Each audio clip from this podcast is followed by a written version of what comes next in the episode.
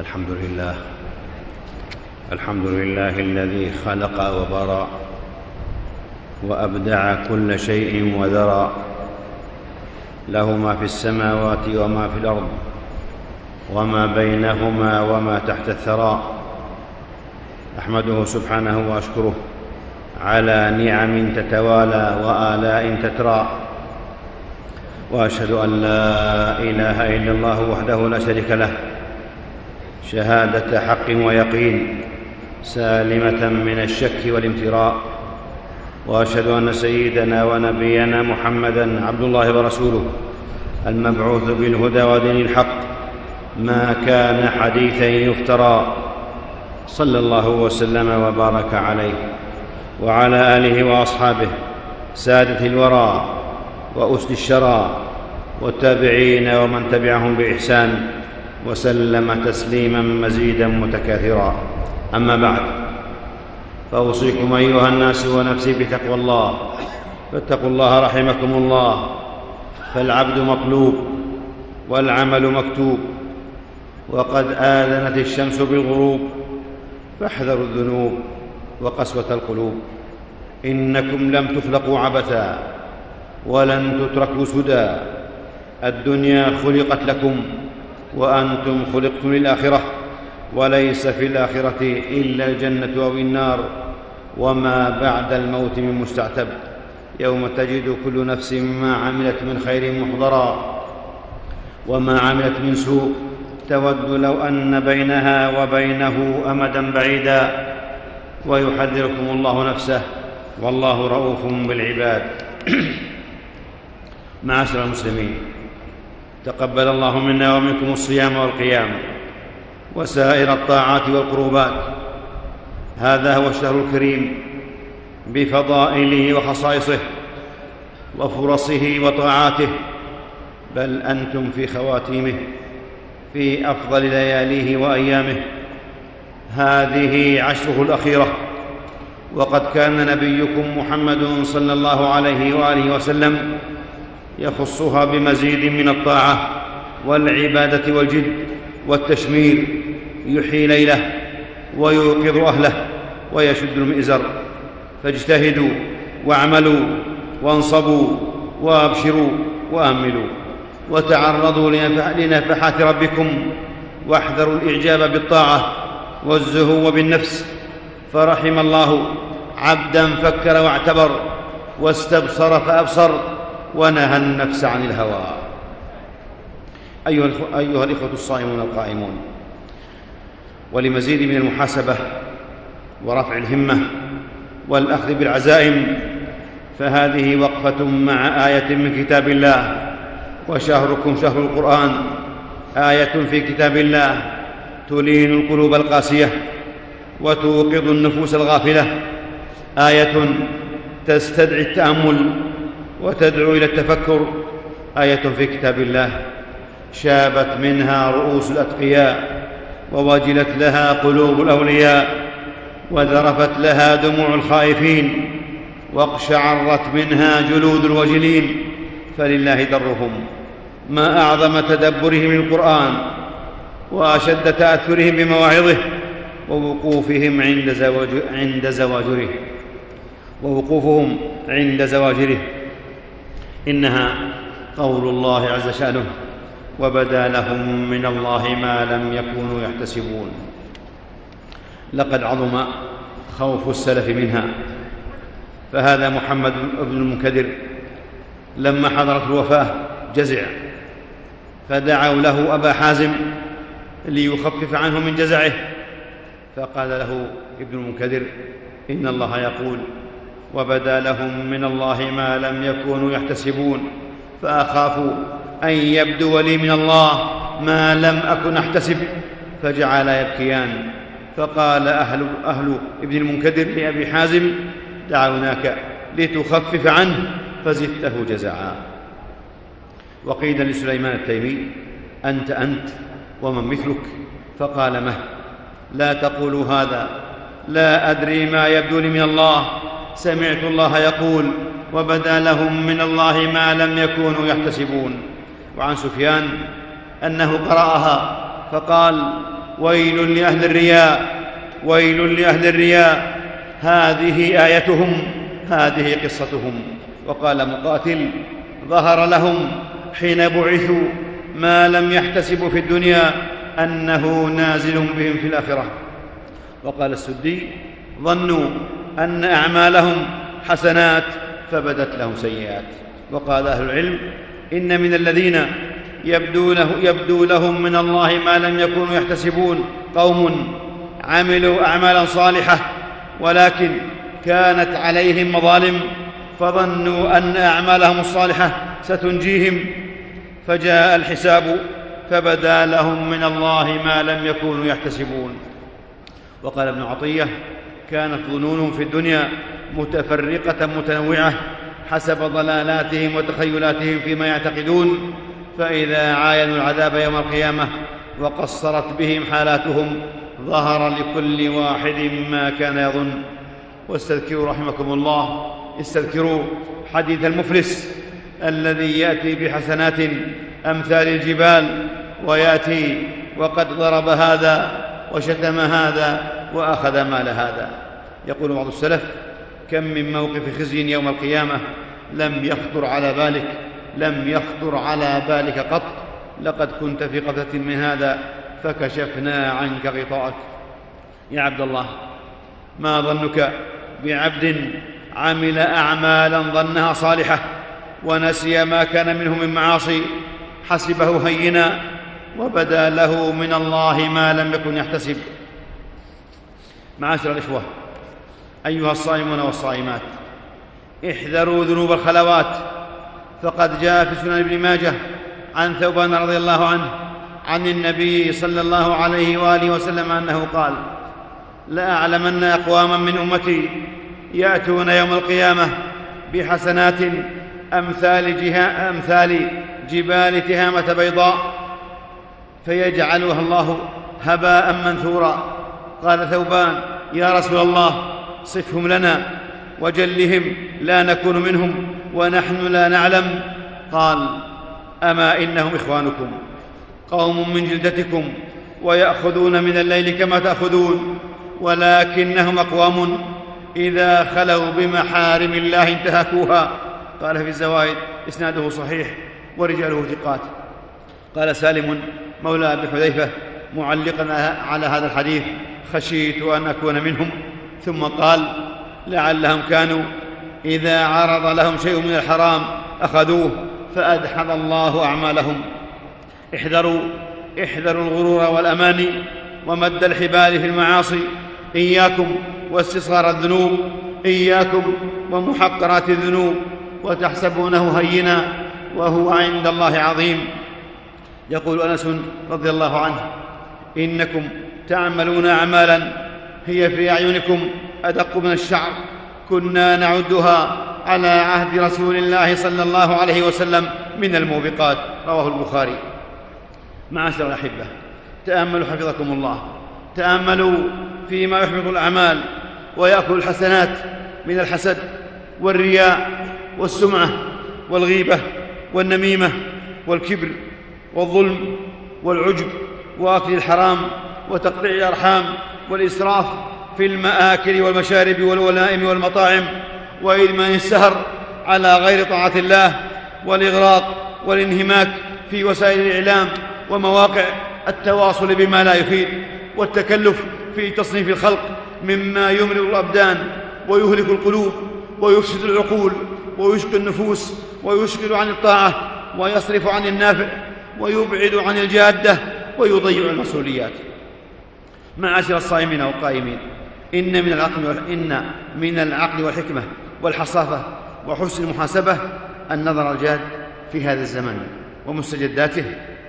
وبدا لهم من الله ما لم يكونوا يحتسبون. زمن كثر فيه المشغلات وتنوعت فيه الصوارف. وتكاثرت فيه الملهيات. بل لقد التبس فيه الحق بالباطل لدى بعض الفئام. ولا سيما في ميادين الفكر والثقافة. نعم حفظكم الله. يموج العصر بألوان من المخالفات وما تبثه وسائل الإعلام والتواصل بمقروئها ومسموعها ومشاهدها من أنواع المحرمات والمخالفات في العقائد والسلوك وألوان الجرائم والإجرام. ممن زين له سوء عمله فرآه حسنا وممن ضل سعيه في الحياة الدنيا وهم يحسبون أنهم يحسنون صنعا. إن من أعظم المظاهر الصالفة والصادة الانبهار بمظاهر المادة والعمران والانصراف والزهد في حقائق الإيمان وعلوم القرآن والسنة والغلو المدني ينبوع الانحراف الثقافي والفكري. ومن أعرض عن وحي الله سوف يبقى مرتكسا مرتكسا في الظلمات مهما أوتي من العلوم والمدنيات. والذين كذبوا بآياتنا صم وبكم صم وبكم في الظلمات. ومن مظاهر هذا الانحراف والغلو أن بعض المعاصرين لانبهاره بالمكتشفات والمستجدات ووسائل التحضر حين ينبه إلى مواطن الضعف والنقص في صور الضلال والانحراف والانحلال والفجور والفواحش يتورم انفه ويظهر عليه التبرم ويبدو عليه القلق. ويابى الله أن تكون الرذيلة سبيلا للفضيلة والإسفاف طريقا للعفاف. كيف وقد صرح القرآن الكريم بأن التمكين المادي لا يغني عن أهله شيئا إذا قارنه جحود بآيات الله؟ ولقد مكناهم فيما إن مكناكم فيه وجعلنا لهم سمعا وأبصارا وأفئدة فما أغنى عنهم سمعهم ولا أبصارهم ولا أفئدتهم من شيء إذ كانوا يجحدون بآيات الله وحاق بهم ما كانوا به يستهزئون. ويقول عز شأنه فأما عاد فاستكبروا في الأرض بغير الحق وقالوا من أشد منا قوة. أولم يروا أن الله الذي خلقهم هو أشد منهم قوة وكانوا بآياتنا يجحدون. الأصل الاصيل عباد الله هو عمارة النفوس والقلوب بالله وتوحيده وذكره وشكره وحسن عبادته.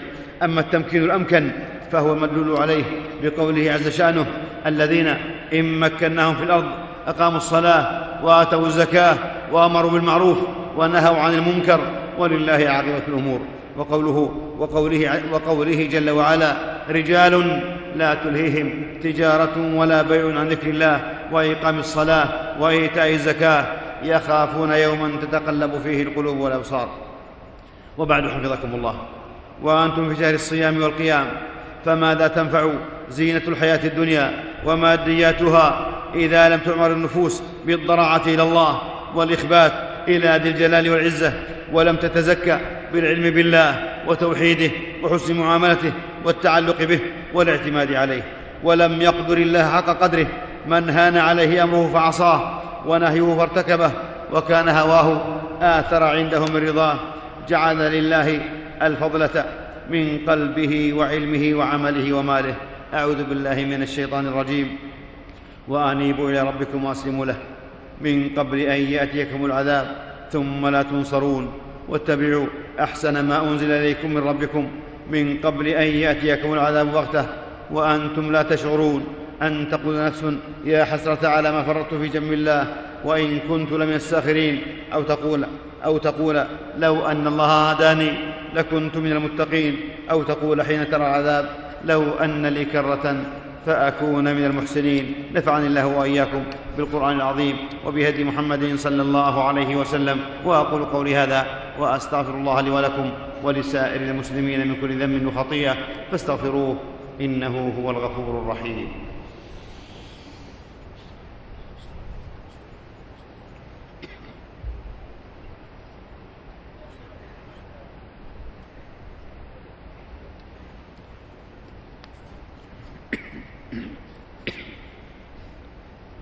الحمد لله الحمد لله أدار الأفلاك وخلق الخلائق وأرسى بالأرض الجبال ورفع السبع الطرائق.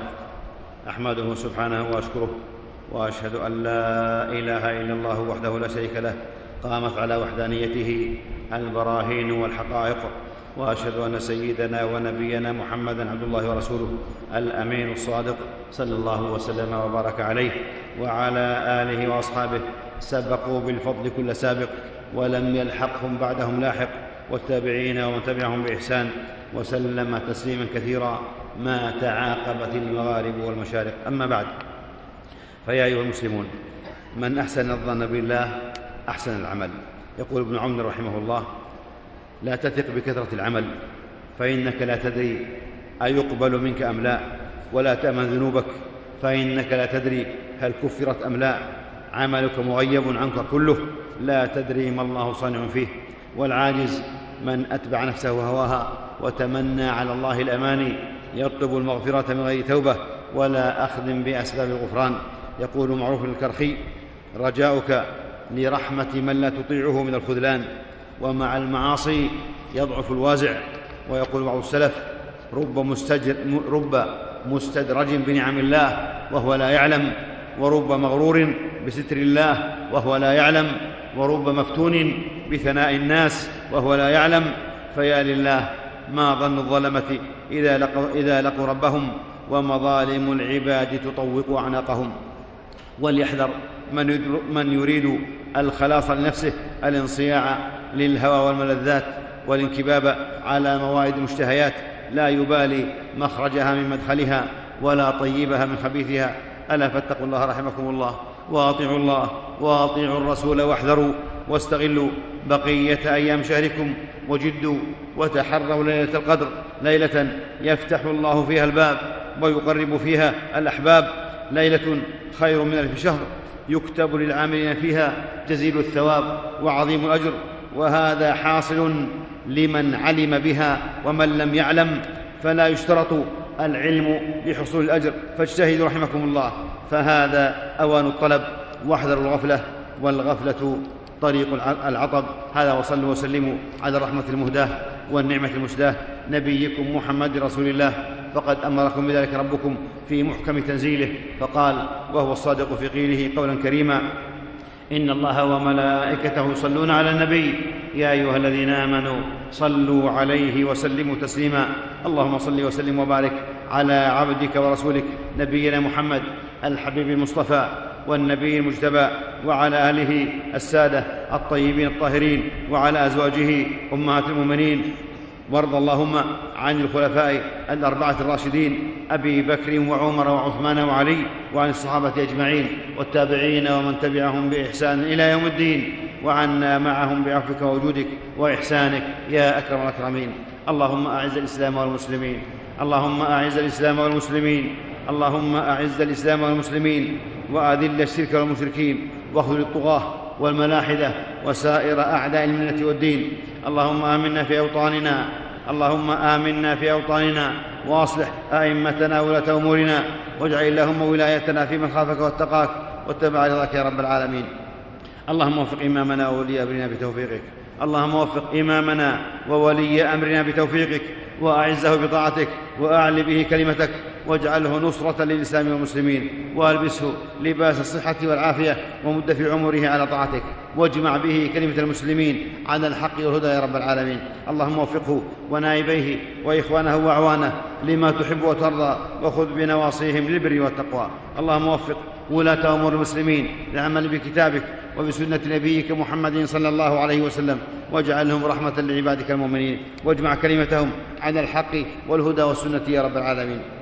اللهم وأبرم لأمة الإسلام أمر رشد يعز فيه أهل الطاعة ويهدى فيه أهل المعصية ويؤمر فيه بالمعروف وينهى فيه عن المنكر إنك على كل شيء قدير اللهم أنجي المستضعفين اللهم أنجي المستضعفين من المؤمنين اللهم احفظهم وانصرهم اللهم احفظهم في سوريا وفي فلسطين وفي غزة وفي بورما وفي أفريقيا الوسطى اللهم اجمع كلمتهم واحقن دماءهم اللهم اشف مريضهم وارحم ميتهم اللهم اجمع كلمتهم واصلح أحوالهم يا أرحم الراحمين اللهم اصلح احوال إخواننا في العراق وفي اليمن وفي ليبيا واحقن دماءهم وول عليهم خيارهم واجمع الحق والهدى والسنة كلمتهم. اللهم وابسط الأمن والرخاء في ديارهم. اللهم ارفع البأس والضراء عنهم. يا ذا الفضل والمن والإحسان. اللهم أصلح لنا ديننا. اللهم أصلح لنا ديننا الذي هو عصمة أمرنا. وأصلح لنا دنيانا التي فيها معاشنا. وأصلح لنا آخرتنا التي إليها معادنا. واجعل الحياة زيادة لنا في كل خير. والموت راحة لنا من كل شر وأحسن عاقبتنا في الأمور كلها وأجرنا من خزي الدنيا وعذاب الآخرة. اللهم من أرادنا وأراد ديننا وديارنا وأمننا وولاة أمرنا وعلماءنا وأهل الفضل والصلاح والاحتساب منا ورجال أمرنا وأمتنا واجتماع كلمتنا واجتماع كلمتنا ووحدتنا بسوء اللهم فأشغل نفسه اللهم فأشغل نفسه واجعل كيده في نحره واجعل تدبيره تدميرا عليه يا رب العالمين. اللهم عليك باليهود الغاصبين اللهم عليك باليهود الغاصبين المحتلين فإنهم لا يعجزونك. اللهم أنزل بهم بأسك الذي لا يرد عن القوم المجرمين. اللهم إنا نذربك في نحورهم ونعوذ بك من شرورهم. اللهم انصر إخواننا في فلسطين. اللهم انصر إخواننا في فلسطين. اللهم ارفع الحصار عن إخواننا في غزة. اللهم اللهم من ضيق عليهم في رزقهم ونالهم في كرامتهم. اللهم فاشغل بنفسه. اللهم وانتقم منه يا قوي يا عزيز. اللهم احفظ رجال آمننا. اللهم احفظ رجال آمننا. المرابطين أسود الحرمين وحماه المقدسات. اللهم احفظهم في أنفسهم وأهليهم وقو عزائمهم واجعل ما يقدمونه لحماية بلاد الحرمين. مواطنين ومقيمين وحجاجا وعمارا وزائرين اللهم اجعل كل ذلك في ميزان حسناتهم. اللهم اللهم الله اللهم وجههم عن دينهم وعن وعن وعن أمتهم وعن مقدساتهم وعن الإسلام والمسلمين خير الجزاء. اللهم ارحم شهداءهم واشف مرضاهم واصلح ذرياتهم يا أكرم الأكرمين. اللهم إنا نسألك موجبات رحمتك وعزائم مغفرتك والسلامة من كل إثم. والغنيمة من كل بر والعزيمة على الرشد والفوز بالجنة والنجاة من النار. ربنا آتنا في الدنيا حسنة وفي, وفي الآخرة حسنة وقنا عذاب النار. سبحان ربك رب العزة عما يصفون وسلام على المرسلين والحمد لله رب العالمين.